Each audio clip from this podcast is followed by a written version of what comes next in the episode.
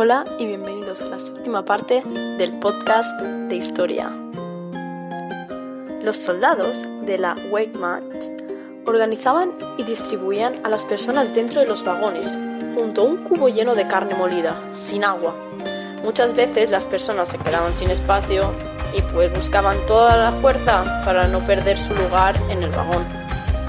Los gritos de las mujeres y los niños eran desgarradores. La angustia, el miedo, la incertidumbre eran muy notorios. El estruendo de las puertas cuando el ejército las cerraba provocaba mucho miedo y terror. El libro de Carlos Hernández, Los últimos españoles de Mannhausen, nos revela distintas versiones de la experiencia dentro de los vagones. Entre ellos está Virgilio Peña. En su testimonio explicaba la incertidumbre respecto al lugar al que se dirigían.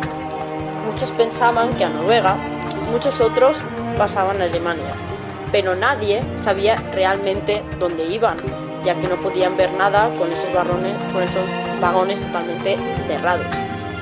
Peña explica que este miedo e incertidumbre les impedía saltar del tren, pero afirmaba que si hubiesen sabido dónde iban, hubieran hecho algo al respecto seguro. Viaje era largo. Algunos de estos podían llegar a durar hasta 15 o incluso 20 días y las condiciones dentro del vagón empeoraban día tras día. Esto era debido a los pocos filtros de aire. El oxígeno limpio se iba acabando, sin necesidad de mencionar que en una esquina acordaron todos hacer sus necesidades. En algunos viajes el calor era sofocante en consecuencia el olor insoportable. También cabe mencionar la escasez de agua. Algunos viajeros morían por deshidratación, mientras que otros intentaban sobrevivir a toda costa por cualquier medio. En el testimonio de Virgilio Peña, se menciona cómo este sobrevivió todo el recorrido lamiendo los tornillos del vagón, que debido a la condensación se humedecen. Esto les daba algo de frescura de vez en cuando para contrastar con el resto del tiempo. Usualmente los alemanes dudaban debido a que el campo de concentración de Mauthausen no estaba preparado para recibir mujeres y niños, pero el plan seguía porque los generales querían cumplir con las estadísticas que les habían impuesto. Al llegar al destino se abrían las puertas de los vagones y un soldado entraba y seleccionaba personas para que se bajaran del tren, los que en su mayoría eran hombres y adolescentes, separándolos de sus familias dejando a mujeres y a niños en el tren. Cuando ya había salido, los esperaban soldados de las SS que se encargaban de la seguridad y el funcionamiento de los campos de concentración para, según ellos, darles la bienvenida. Seguidamente, las SS cerraban las puertas del tren y se iban. Los gritos de los nuevos prisioneros eran desgarradores. Las familias estaban de nuevo separadas.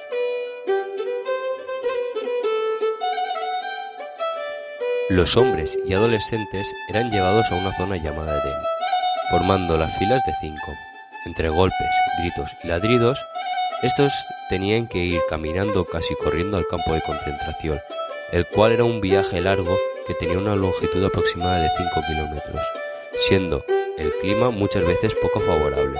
Las mujeres y los niños emprenderían un viaje aún más largo, de unas dos semanas, de vuelta a España, siendo entregados y entregadas a los franquistas, como verdaderos criminales de guerra. En Mannhausen corría el rumor de que las mujeres y los niños estaban en otro campo a pocos kilómetros, pero la verdad es que muy pocos pudieron volver a ver a su familia. La primera impresión de los nuevos presos eran enormes e impotentes muros de granito, semejantes a una fortaleza, entre las cuales se encontraba la puerta del águila, la entrada principal. Tras subir las escaleras llegaban al Appelplatz, se formarían por primera vez y veían cómo fusilaban a personas muy débiles a cuantos metros de ella. El capitán George Mayer les solía saludar con frases, vosotros que habéis estado en una puerta, solo podéis salir del campo por aquella salida, haciendo referencia a la única salida del crematorio. Este es un testimonio de Marcel Mayans, en el libro de los últimos españoles en Mannhausen. Por último, y antes de empezar el resto de su vida, los soldados les quitaban sus pertenencias, su ropa, les dejaban desnudos durante un buen rato, y luego les daban prendas las cuales ya traían consigo su correspondiente clasificación. Documentos gráficos como Piedras de la Memoria nos hacen ver cómo era el día a día de los presos en Mauthausen. Este recorrido consistía en poner una piedra en los sitios donde estuvieron viviendo los presos víctimas del Holocausto. Gracias a estos documentos o similares, testimonios, mapas o fotos, principalmente las que hizo el preso catalán Francesc Bosch, se sabe que los españoles sirvieron como sujetos de experimentos nazis. Los prisioneros eran explotados en duras jornadas de trabajo y se variaba la cantidad de comida que se les daba para ver la reacción del cuerpo.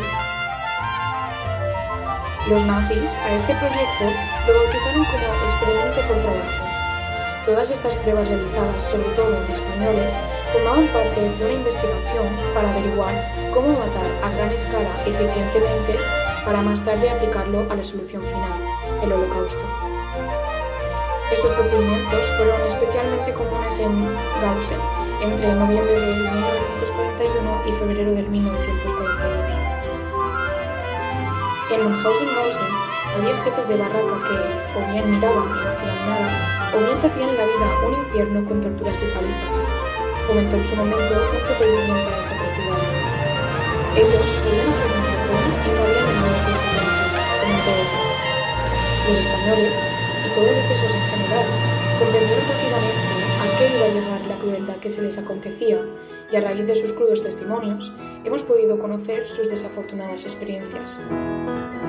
Los prisioneros transportaban corriendo pesadas cargas mientras los capos, los presos con pinchas de las SS, les daban latigazos. Esto durante horas sin parar. También contribuían a la construcción de los lugares en los cuales más tarde serían asesinados.